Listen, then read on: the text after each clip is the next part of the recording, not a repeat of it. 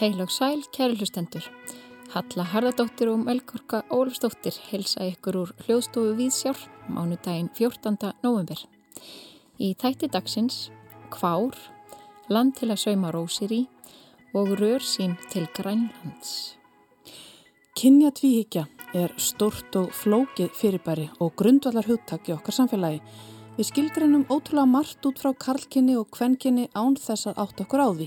Við erum alltaf að setja hvort öðru hömlur í ljósi þessara hlutverka. Hvaða tilgangi þjóna þessar hugmyndir í dag? Er það kannski meira til trafala en annars? Spyr Elias Rúni sig í spjalli sem við áttum í morgun. Elias Rúni er grafiskur hönnuður, myndlýsir og myndasöguhöfundur sem gaf út myndasöguna Kvár í fyrra og fekk tilnefningu til fjöruverluna fyrir. Kvár seldist fljótt upp í fyrra en var að koma út í annað sinn. Hann myndlisir einni, einni af jólabókum ársins, Frankensleikir eftir Eirik Örn Nordal. Við ræðum við Elias Rúna í þætti dagsins. Samfélagið líkist ísjaka. Aðeins 10% eru sínileg. Annað er utan seilingar og lít greinilegt. Tímabundin gestur verður fljótt grunnhyggin sérfræðingur í yfirborðinu og skautar á því þegar heim er komið án þess að sjá myrkrið í djúpinu. Svo lýsa þau Rósa Sigrun Jónsdóttir, myndlistakonna og Pál Ásker Áskersson, leiðsögumadur og skáld, upplifin sinni af listamannadöl í Okatsút á vestuströnd Grænlands. Hjónin opnuðu í síðustu viku síningu í Artak Galleri í Skipholti, þar sem þau sína árakstur dvalarinnar. Við sjá leit við og forvitnaðist um síninguna og lífið við Grænlandstrendur í svartasta skamdeginu og Sölvi Halldórsson rínir í nýja ljóðabók Hjartar Magnússonar í þætti dagsins Land til að sauma rósir í. En við byrjum í dag á heimilda myndasögu.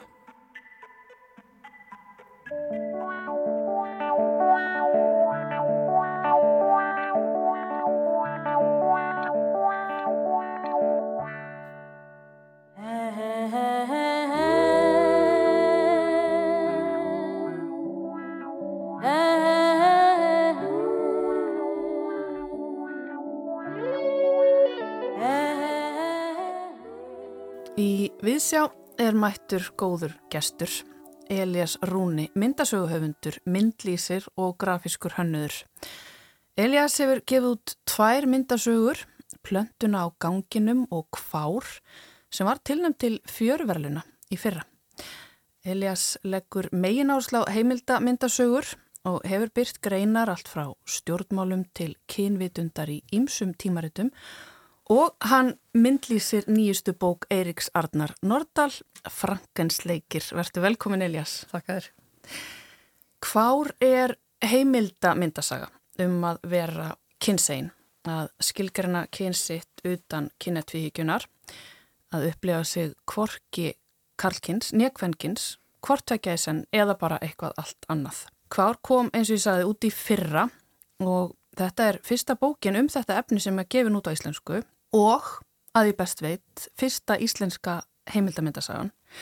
Bókin seldist upp mjög fljótlega í fyrra en það var að koma út annað upplag frá unu útgáfahúsi sem er ánægilegt núna fyrir jólin, ekki satt Elias? Jú, það er mjög gafna bókin sem komin aftur út. Já. Byrjum bara á byrjunni, af hverju bók um þetta efni að vera kynsein? Um, sko þetta byrjaði á því að ég var á loka árið í grafíska hönnun við listáskólan og var að velja útskipta verkefni. Og það einin kom eiginlega ekki annað til greina heldur en að gera myndasögu. Vist að ég hafði þarna mjög svona góðan tíma til að einbynda mér að einhverju verkefni og ég fann bara að það vantaði svo mikið bók um þetta efni. Mm -hmm. og ég var henni í góðri stöðu með að hafa hann tíma til að sinna myndasögu gerð í nokkru mánuði. Og þetta er efni sem stendur mér nærri sem kynnsegin manneskja. Eh, svo ég var svona í góður aðstöðu til að bara dempa mér í þetta svo ég sló til. Mm -hmm. og hérna hófaði saman frábærum viðmælendum sem tók viðtal við og þessi viðtal voru svo frábæra að það er í þeim er efni í sko fleiri bækur. Ég þurfti að hérna, skera mjög mikið niður til að, til að bókin er ekki dóðrandur eh, en já, úr, úr því var þessi bók. Emitt, þú tekur hana viðtöl við sex kvár og ég hugsaði mig til ég var að lesa hana út á talarum að þau hefði þurft að skera svo mikið niður. Mm -hmm. Nú er ég að vönaði að taka viðtöl og ég hugsaði mig sko hvað aðalafnið kemst vel til skila og hvað þetta er og þau auðvitað er það myndirna líka sem að hjálpa mm -hmm. en hérna þau eru svo þjætt og mikil þessi viðtöl þó að bókin sé ekki þung. Já, einmitt. Þetta, það var alveg erfitt að hérna, koma svona flókinni reynslu mm -hmm. og skilgengum fyrir í svona stuttumáli og ég hérna, já, mér fannst sko þegar ég var að taka þessi viðtölu og skrifa þessa bók eins og það vöknuði eiginlega fleiri spurningar heldur en ég náða að svara í bókinni. Þannig, já, mér finnst mjög mikilvægt að, að fólk vita að þetta er bara svona ingangsbók þess vegna er undirtitillin spurning ekki, ekki hérna, þetta er að vera kynsegin heldur, hvað er að vera kynsegin. Akkurat. Þetta er bara Þetta er bara mjög góður ingangur fyrir alla sem vinna að kynna sér það. En þetta form, myndasöguformið, sko, það virðist allavega að henda mjög vel þessu, hérna, þessu efni. Já, það er svona mín niðurstað í, hérna, ég hef fjallað svolítið um myndasögur, skrifaði meðalans bíaritgerð um heimildamyndasögur, fréttamyndasögur og þær eru bara ótrúlega góður miðl til að svona einfalda flókin fyrirbæri, setja þau fram þannig að maður svona skilur þau á hérna fljótlegri hátt. Mm -hmm. Sko þetta kynnsegin tungumól það er svo nýtt, við erum að læra það og við veitum að það hefur komið fram smá mótrói á sumum, það er ekki allir tilbúinir til að taka þessu fagnandi en uh, það var eitt svo góða punktur sem kemur einmitt fram hjá einu þínu viðmælunda er sá að þetta er ekki bara erfitt fyrir okkur öll að nóðast með þetta þetta er líka erfitt fyrir þá sem eru að skilgrana sjálfan sig og nota þessi hugtökum sig. Já, akkurat og það er bæði erfitt sagt, uppalað að finna að bara það er ekki pláss fyrir fyrir mann sjálfa ný tungumálunu mm -hmm. að hérna áður en til og með þessi nýju personuformöfn voru e, sett fram mm -hmm. að já, hán og hín og héð og, mm -hmm. og öll, öll þau flottu fornöfn og áður en það var að byrja að tala um fólk í kórukinni að það var hræðilega erfitt fyrir marga og svo, já, fylgir þið vissulega mikið frelsi að geta nota þessi nýju orð en það þurfum við allir að vennast í það, og það tekur alveg tíma. Mm -hmm. Og það kemur um fram í bókinu líka hjá einu viðmælanda að sko það fólk sem að elskar tungumólið og þykir væntum íslenskuna hlýtur að taka þessu fagnandi að já. leika sig með tungumólið. Akkurat, já og mér finnst það skemmtilegt, það eru svo margir í kynsegin og hinsegin samfélaginu með ástriði fyrir tungumólinu mm -hmm. og vilja geta notað til að tala um sína reynslu og þess vegna er svo ótrúlega mikilvægt að, að þessum orðum sé tekið fagnandi. Mm -hmm. Það kemur einmitt líka fram í þessari bók, það er margt sem kemur hérna fram uh, þó þetta sé bara ingangur að þuttakjunu eins og segir, þá er það er svo mikið af málumnarna eins og til dæmis og það eru þetta flóki að vera kynnsegin í skólakjörnu líka með þess að í háskólanum. Já. Er þetta eitthvað sem að þú upplýðir? Sko, ég hef ekki mikla reynsla því persónulega en, en já, Mars sem að ég tala við þetta í bókinni hefur mikla reynsla af, af því að berjast fyrir kynnsegin málum í, í HÍ mm -hmm. og, og fleiri hafa sög að segja frá því en það er bara þannig því miður að víðast hver í samfélaginu en þá er ekki ploss fyrir kynsegin fólk. Það er, þarf ekki að leita lengra en bara salerni í ópenbjörnum byggingum. Mm -hmm. Það er alls ekki gert ráð fyrir kynsegin fólki fólki á í byggingum eða bara þessum stafran heimi til dæmis. Mm -hmm. Það var oft uh, bara einfallega ekki gert ráð fyrir að fólk sé með aðra kynskráningu heldur en kallkynns eða kvennkynns. Bara tölum að segja nei, það er bara ekki búið. Talandu um uh, kynhlutlösa skráningu, það eru auðvitað komið í lög uh, kynrætt sjálfræði en Akkurat. sem þýðir samt ekki að, uh, að það sé allt komið í lag vegna þess að þrátt fyrir að þú getur uh, skráðið í vegabrjöf til dæmis í dag þá þýðir það ekkit að, að það getur nýstir hvað sem er.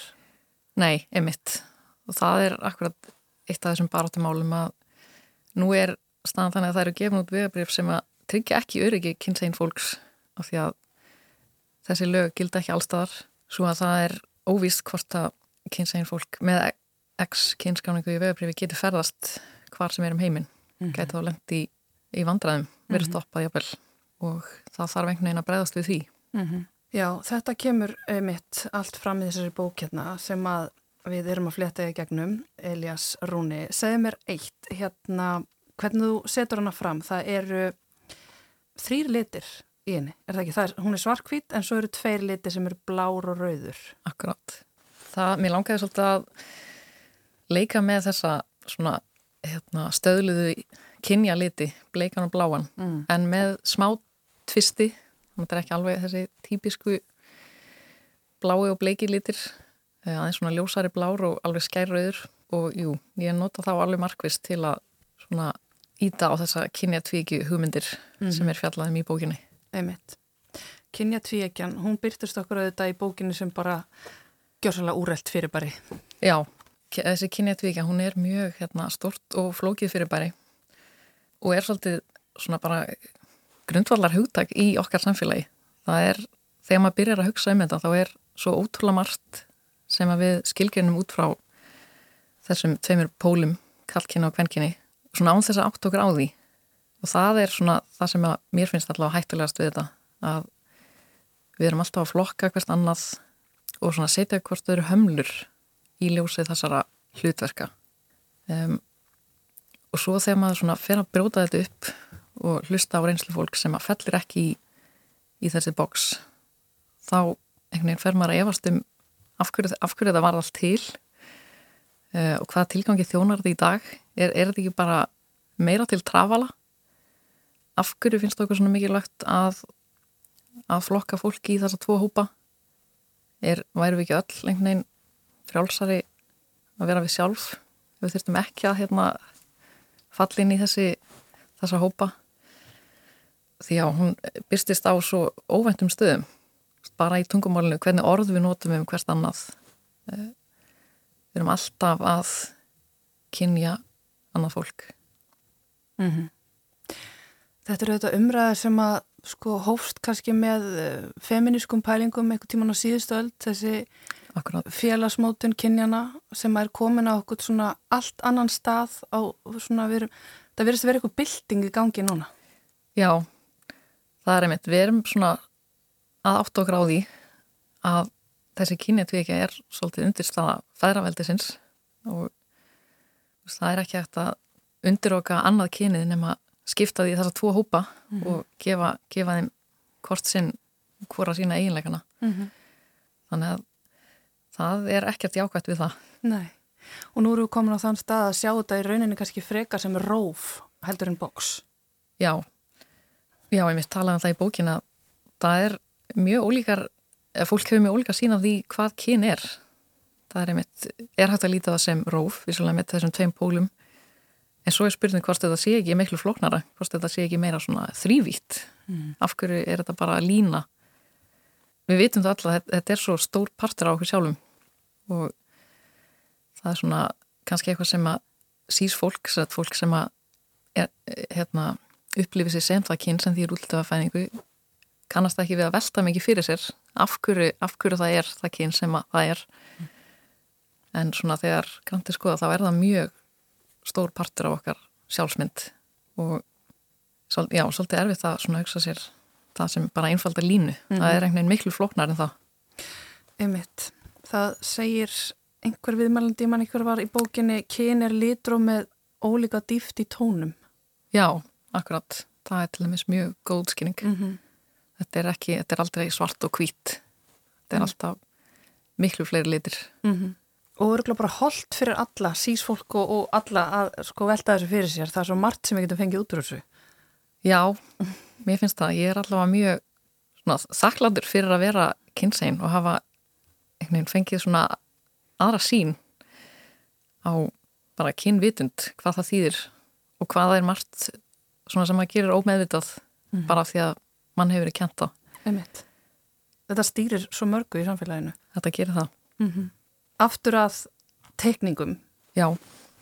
Svona í lokin. Mér langs að vita, þú lærið grafísku hönnun í listafaskólanum og svo ferðu út til Fraklands í lítið þorp að læra heimilda myndasögugerð.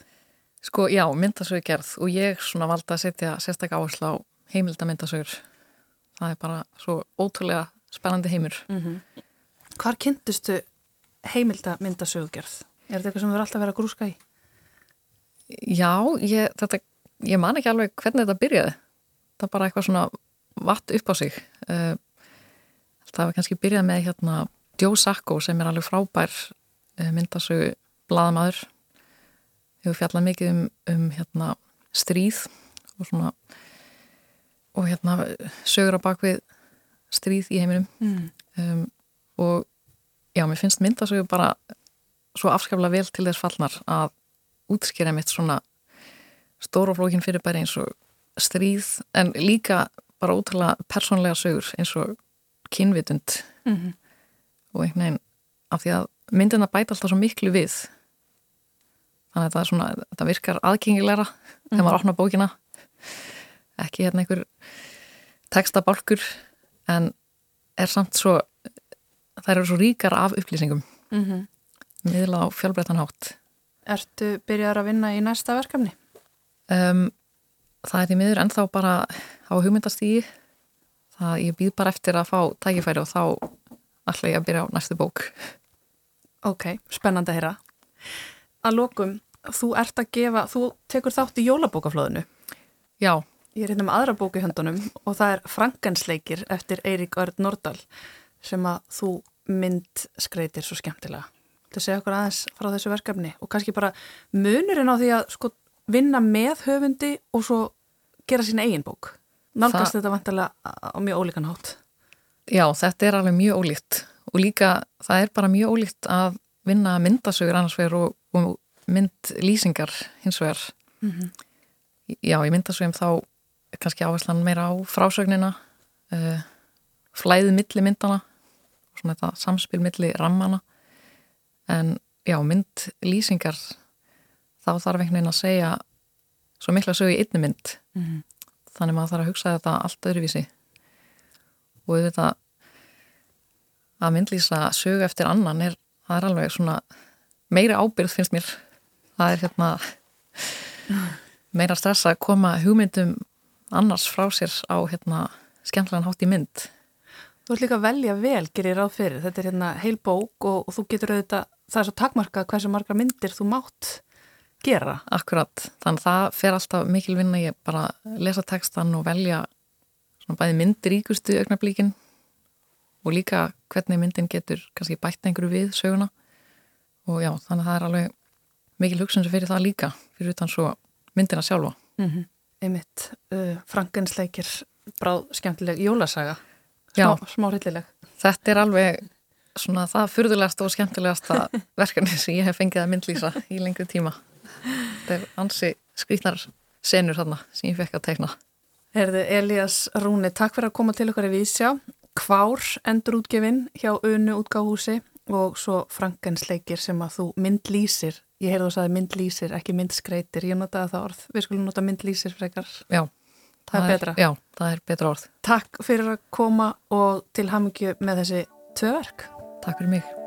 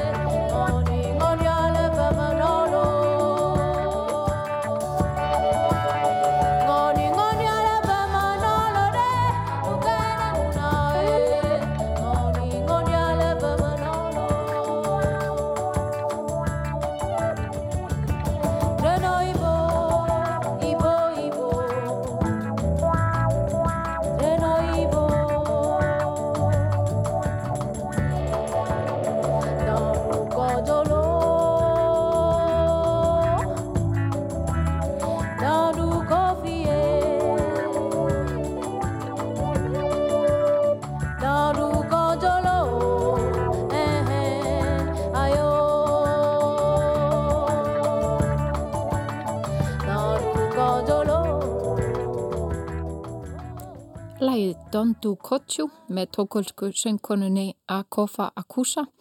Hér á eftir spjalli höllu við Elias Rúna, höfund heimildamindasögunar Kvár og myndlýsi nýjustu skáldsögu Eiríksarnar Nordal, Frankens leikir. En þá er komið að Sölva Haldórsinni sem að þessu sinni fjallar um nýja ljóðabók Land til að sauma rósir í eftir Hjört Magnússon. Land til að seima rósir í er sjötta bók Hjartar Martinssonar. Hjörtur hefur áður sendt frá sér bæði skáldsögur og ljóð, nú síðast skáldsöguna Mestararnir árið 2018. Mestararnir er skáldsaga um langfæðga sem halda til Finnlands á Evropamót öldunga í frálsum íþróttum en Land til að seima rósir í geymir hins vegar ljóð um að koma aftur heim. Ljóð um að búa, yrkja og kanna landið sitt en ekki síst um hvernig landið hefur verið byggt, ræktað, ort og kannað af manneskunni. Viðfangsefnið er sjálfnast landið eða landslægið eitt og sér heldur er engum fjallaðum aðferðir manneskunnar við að skrásetja, skilja og tólka landsitt. Í gegnum ljósmyndir, landslagsmálverk, minningar, ferðabækur eða heimasíðu vegagerðarinnar. Ljóðunum er skipt upp í fimm mis langa kapla, mertum með rómverskum tölustöfum. Á titilsíðu hvers kapla gæðist inn á síðuna einn af útkjölkum landsins. Að lesa ljóðbókarinnar frá upphafi til enda orkar þess vegna á lesandan sem nokkur skonar ringferð um landið. Við nánari aðtugun er ljóðunum þó ekki ræðað saman í kapla eftir landslutum sem koma þar fyrir Enda er land til að sauma rósir í engin ferðahandbók, heldur frekar eins og persónuleg landabreyfabók, búin nákvæmum skýringamyndum skáldsins.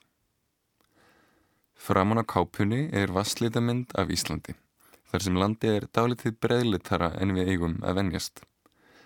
Nokkrum skögum er of aukið og fyrirðirnir rista sumir hverjir dýpra enn í landi en þeir gera á gerfinnattamyndum.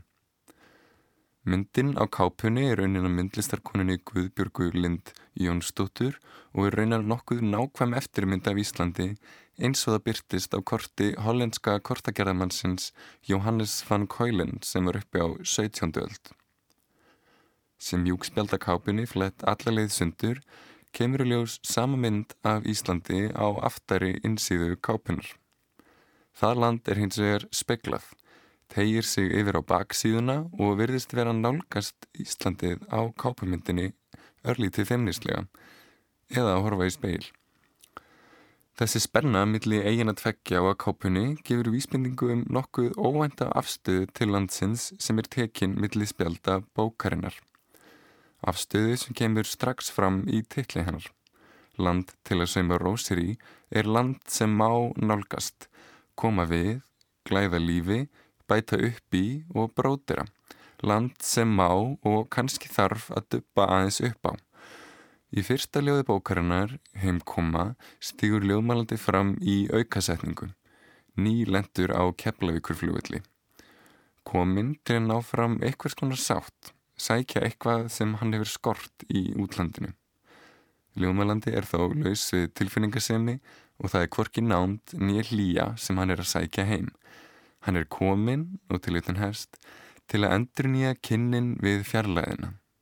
Strjúka fingrum yfir hrjúfa skorpu jarðar, leita að sjálfu mér í tillitslösu landslæginu.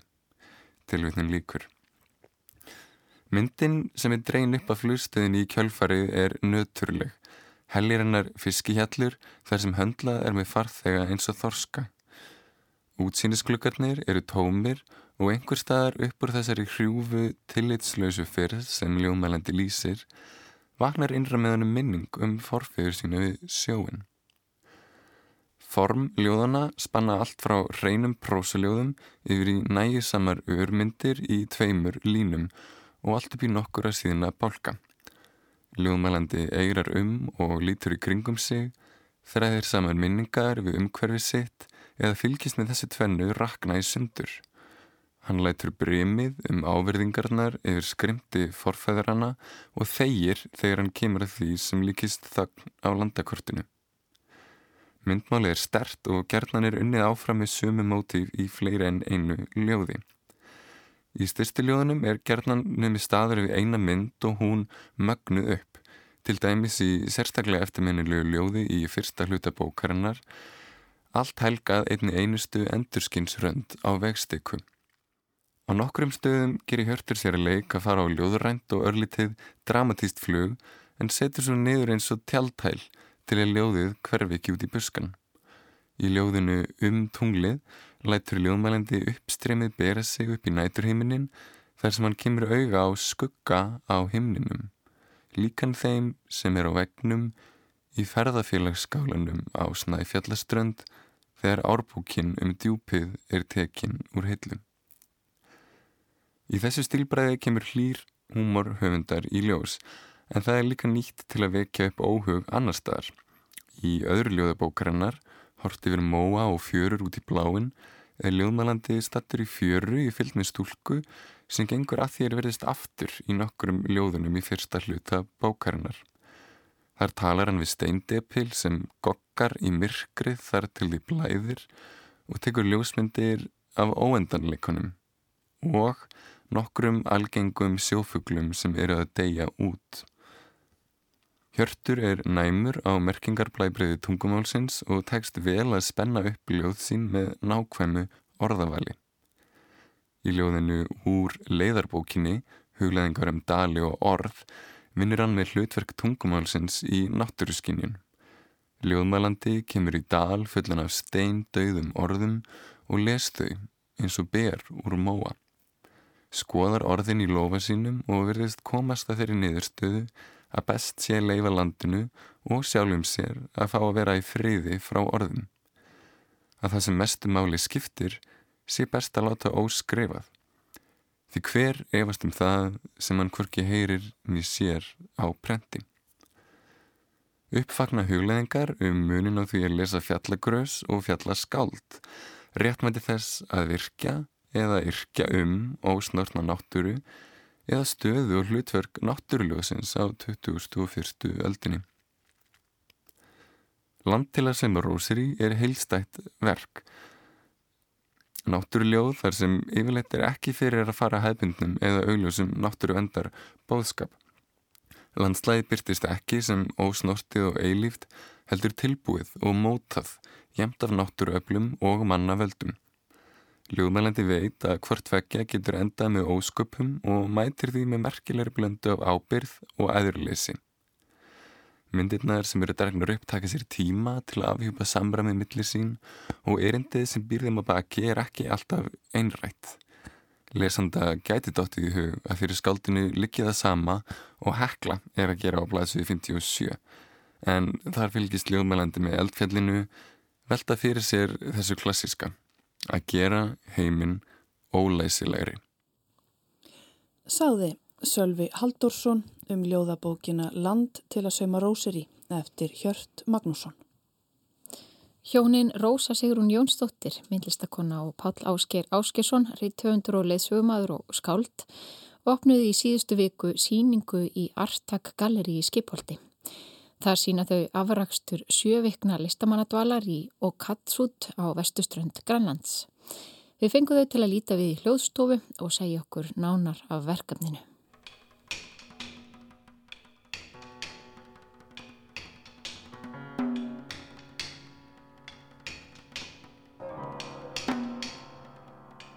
Lísmilda ljós af Selsbyggi. Því svo elskaði Guð heiminn hann gaf manninum selin.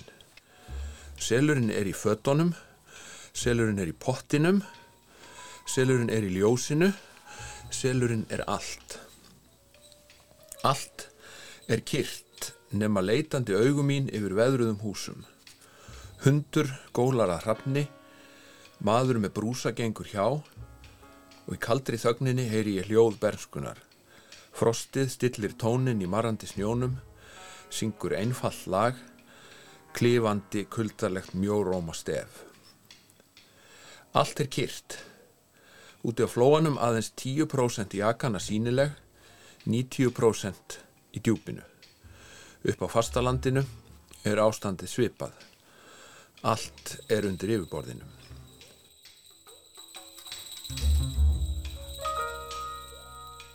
Þau eru sérst hjá mér Rósa Sigrún Jónsdóttir og Páll Áskir Áskesson. Hvernig ekslaðist það að þið dvölduð í sjö vikur á Grænlandi?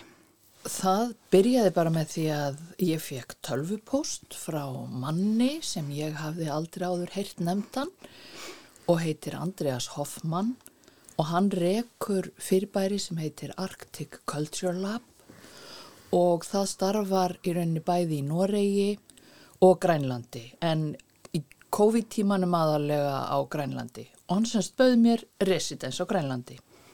Átti upphaflega að vera núna á árinu 22 en svo losnaði tímabil þarna í svartasta skamdeginu og við ákvaðum bara að stökva og fórum til Grænlands í byrjun november 21 og komum heim á aðfangadag. Og dvölduð í sjö vikur þarna í myrkrinu. Var, var þetta fjarrri byggðum? Já, við vorum við flugum til Núk og þaðan er svo klukktíma flug norðu til Illulisat og við þaðan er farið með báti í lítið veiðimannaþorp sem er um það byrj 20 km norður af Illulisat og þar búa um það byrj 20 manns en þannig er samt talsverð þjónusta, það er skóli, kirkja, lítil búð, fókdýr, eðlilega og engar samgöngur nema á sjó. Kynntust þau eitthvað lífinu? Nei, það er eiginlega ekki hægt að segja það því að bæði var auðvitað hávetur og, svo, er- og myrkur, svo er náttúrulega COVID. Þannig að það var svona félagslífi í þorpinu, skólahall á niðri og guðþjónustur þannig að, og svo náttúrulega íbúðinu tala ekki nema grænlensku.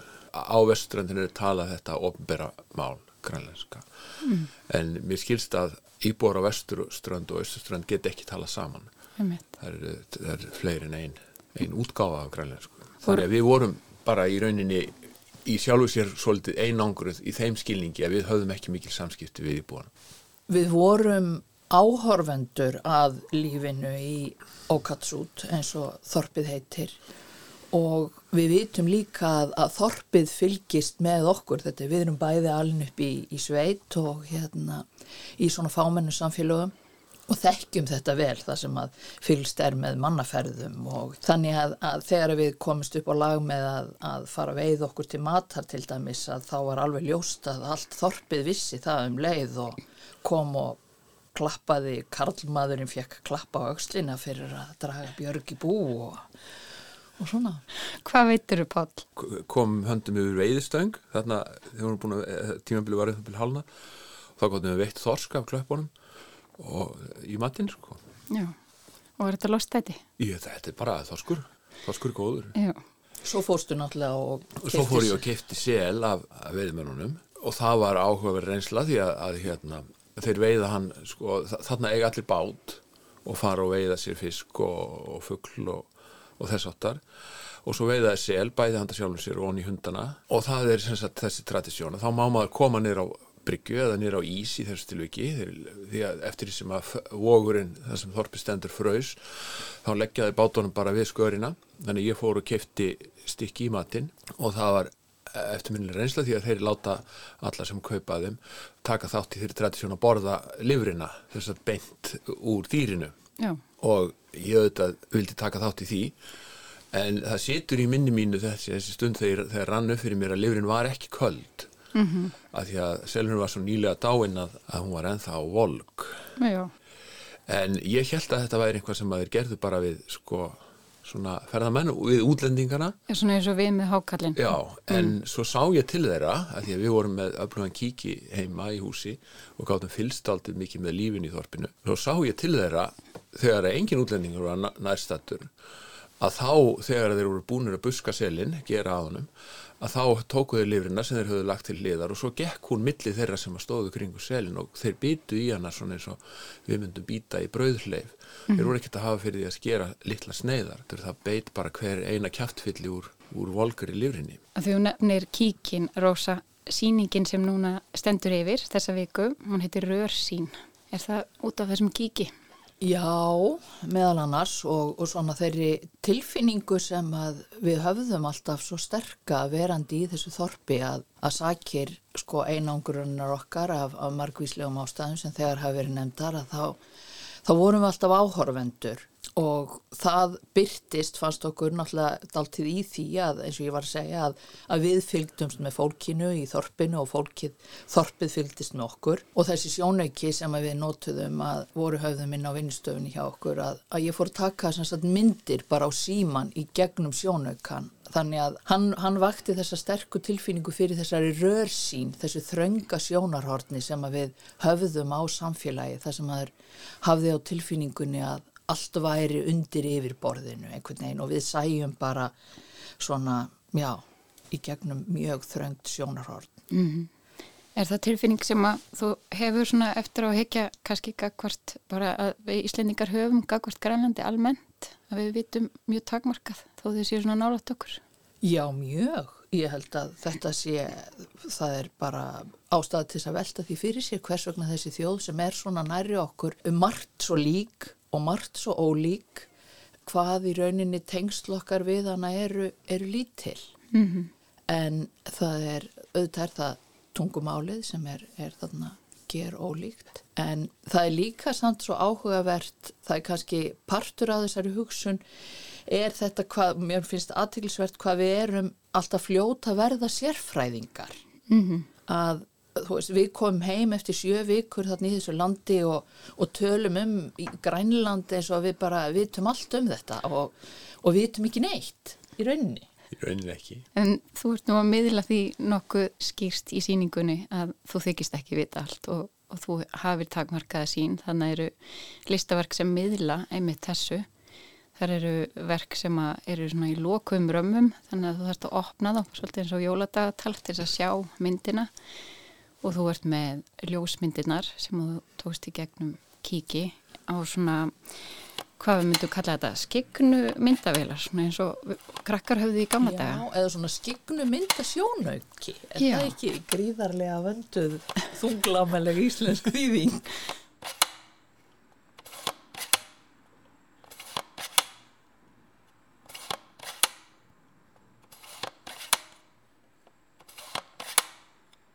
Þessi tæki sem þú notar eða tækni til þess að miðla myndlistinni, hún segir þetta að við höfum takmarkað sjónarhorn. Já, það er sem sagt, ég let bara myndirna sem ég tók, ég bar þær náttúrulega undir Andreas Hoffmann svona með það fyrir augum að það var í lægi að, að, að hérna hann sá til þess að það væri samþykki fyrir því að að þessa myndir byrtust því að í vissum tilfellum er hægt hugsanlega að þekkja fólk á myndunum síðan er bara síða á netinu þar sem að maður getur sjálfur raðað upp sínum myndahjólum. Þetta eru sem sagt þessir sjónaukar sem að sennilega voru vinsælir á hvað, sjönda áratugnum? og þú, það var hægt sem sagt þú settir skignu hjól í þetta, það voru sjö myndir held ég á hverju. Og þetta var gjarnan ímishæfintýri sem að hægt var að skoða, þetta voru mjög fallegar, byrtust mjög fallega þrývítarmyndir en þarna sem sagt gæti ég láti bara raða myndum upp eins og mér síndist á þetta hjól og þeir prenta það og senda mér það síðan bara í posti. En svo er þannig líka verk með ljóðum eftir þig, Páll. Er þú að koma út úr skáfnu sem ljóðskáld? Já, ég held að þegar ég var komin að þennan aldur þá myndi ekkert bætast á ferilskrá mína annað en bara meira af því sem ég hef gert Hmm. en það kom eiginlega sjálfum mér taldið óvart að ég skildi enda þarna sem þetta er fyrst skipti sem ég tek þátt í mildstasýningu og bæði það er þarna ljósmyndir sem að, að hérna, ég bjóð til er sem að dýrðaróður til Sigurða Guðmssonar það er erfitt að lýsa því í útarspið þannig að það verður bara að koma að sjá En svo setti ég mér það markmið þarna í kyrðinni og, og þögninni og myrkrinu að, að skrifa einhvað hverjum degi. Síðan prentaði ég út hluta af þessum ljóðum og límdi þá á stóran gulan nött sem að er á síningunni og menn geta velt um gólfið eða velt um rýmið til þess að, að sjá. Það er líka eins og annað á síningunni að þarf að hafa hönd á því til þess að, að lesa það. En þetta er eins og sjálfsagt öll skáld vita. Þetta er taldið erfiður þröskuldur að stíga yfir þegar skáldi klifrar upp úr skúfunni og kemur upp á, á skrifborðið í allra auksín það er svona, það er mikill munur á þessu. Ég hef um mína daga sko oft sett saman vísur svona í hefðbundnum stíl skilur og nota til þess að skemmta fólki við íms tækifæri. En, en ég hef ekki gert þetta áður. Þannig að þú ofinberaði þig, það er svolítið óþægilegt kannski. Ég, það er, það öll ofinberin er óþægileg en, en hún er líka partur af upplifun skáldsins sko. Það, er, það er vegna þess að þjáningin er drifkraftur sköpunarinnar og þjáningin er hluti af, opin- er hluti af ofinberinu Var það kannski þessi einangrun sem dró fram þetta skáld? Haldið að þetta umhverfi hafi haft þessi áhrif? Hann er búin að skrifa fyrir skúfuna í mjög mörg ár Já, og ég hef svona verið með vaksandi þrýstingi verið að reyna að íta á hana. Ég held að það sé náttúrulega sko, einangurinn, það er, það er ögunin sko. það var þetta projekt að, að skrifa eitthvað á hverjum degi og, og reyna að lýsa þessum svolítið framandi kringumstæðum að reyna að svona distillera það niður í, í svona frekar knappan texta. En auðvitað var ég líka það er þetta margt í þessu umhverfi sem að minnir okkur á okkar heimahaga. Það er margt líkt þó við séum þarna norður á 70. breytagráðu sem er tölvert norðar heldur en Ísland að þá er margt í umhverfinu og þessu hálgerða myrkri og rökkri og vetri sem að minnir okkur á Ísland þannig að, að það er bísna margt sem að þessi staður eiga sameigilegt og það var kannski líka kveikjana þegar maður horfið kringu sig og reyna að sjá einhvað sem maður kannast við að draga út úr umhverfinu kunnulega þætti Já, og speikla sig í Já, því. spekla sig í því Mhm. svona áhugavert Þú hefur ekki fundið knúin til að skrifa gamanvísu fyrir Rósu. Nei, það er það á við á öðrum stað og öðrum tíma sko. En tungu, tungumál, svo ég gríp inn í, er náttúrulega, er líka dalti sjónrænt og það hefur svona verið að, að velkjast svona hugmyndir um, um framhaldið. Ég fer sem sagt, ég hef fengið bóðum að sína á Grænlandi í vor í, í Lúlisat og þessi síning fer að einhverju leiti þangað og þá höfum við aðeins, það eru aðeins fæðst svo hugmynd að gera annan svona hnött og láta þýða ljóðin á grænlensku og þá væru þarna á ferðinni þessir tveir ljóðarnettir á þessum örtungumálum sem að svo fáir skilja. Þetta er svo lítil málsamfélög en þau eru líka, þetta er líka bara sjónrænt, rosalega ólík tungumál þannig að það er líka sjónræn áhrif af því að horfa á þau. Já, það stendur til að opna síningu í, í Lúlisat og hún verður umfangsmeiri heldur en þessi sem að okkur stendur til bóða. Já, það má eiginlega segja að höfum, ég og við höfum litið á þessa sýningu svona sem einhvers konar stöðutjekk á vegferð. Þetta er svolítið bara eins og þegar maður var í, í skólanum á sínum tíma þá eru einhver svona endar lotan og þú tekur stöðuna og metur ástandið og, og hvað þú vilt gera næst og hvaða hugmyndir væri hægt að þróa út frá þessu. Og það gerist líka í samtali, það gerist í samtali við gestina sem koma og okkar á milli og þannig að þetta er bara, mér finnst þetta að vera svolítið eins og svona lifandi vett, vettvangur. Já, hafið þið orðið forvitin um Grænland langar ykkur að sækja það meira heim og vita meira eftir þessar örsýn? Já, eða það sem að ég er með á heilanum um þessar myndir er að finna það sem að á skoða betur það sem að Ísland og Grænland eiga sameinlegt vegna þess að það fyrir til í hvaða vinkil þú notar en, en það er bæði nattstaðan og ákveðin hlutir í náttúrunni sem eru sameilir í Ísland og Grænlandi en menningin og upprunni þjóðana eru þetta gríðarlega ólíkur. Þó svo að, að þær, þessar þjóðu tengjast í gegnum norræna landnámið á Grænlandi sem að varði í einhver 200-300 ár og einhver, það er stundu kallað einn af óleistu gátum forlega fræðinar, hvað varðum norrænu mennina eða sem að voru sem að voru þarna? Já. Eh, því að, að það eru heilmiklar menjar eftir norræna landnámið á Grænlandi en, en það veit engin í rauninni hvers vegna þeir fóru og það, þetta er margt áhugavert í þessu og svo eigum við náttúrulega þessa sameiginlu sögu að við erum bæði, þetta eru fyrirvendin danska nýlendur og svo þjáning hlýtur að tengja löndin með einhverjum hætti Einmitt. Þjóningin aftur.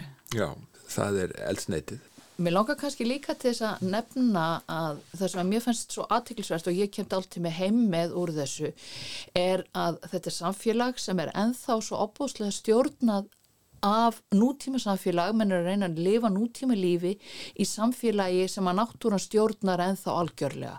Það var engin vegur í þetta þorp og við vorum algjörlega háð sjónum og ísin ræður því hvort að þú getur sylt, vindáttin ræður því hvort að þú getur sylt, e, fallið hvort að það er að falla að eða frá hvort þú kemur bátnum þínum út. Þannig að þetta vakti sterkar tilfinningar með mér og svo líka bara einhvern veginn að verða, mér fannst ég verða svo stert vittni að því að nútíma kapitalist þjóðfélag funkerar svo illa þarna. Veiðimannarsamfélagið fullkomlega en allir nútíma hlutirnir þeir bara, þeir fytt ekki þarna inn þegar að, að þottavélinn bilar eða ískápurinn eða sófasettið þú, þú losnar ekkit við þetta, þú getur ekki urðað þetta neinstadar og þú setur það bara út þessi, þessi nútíma hlutir okkar urðu þarna einhvern veginn Hálf kjánalegir. kjánalegir eins og hurða á berjamó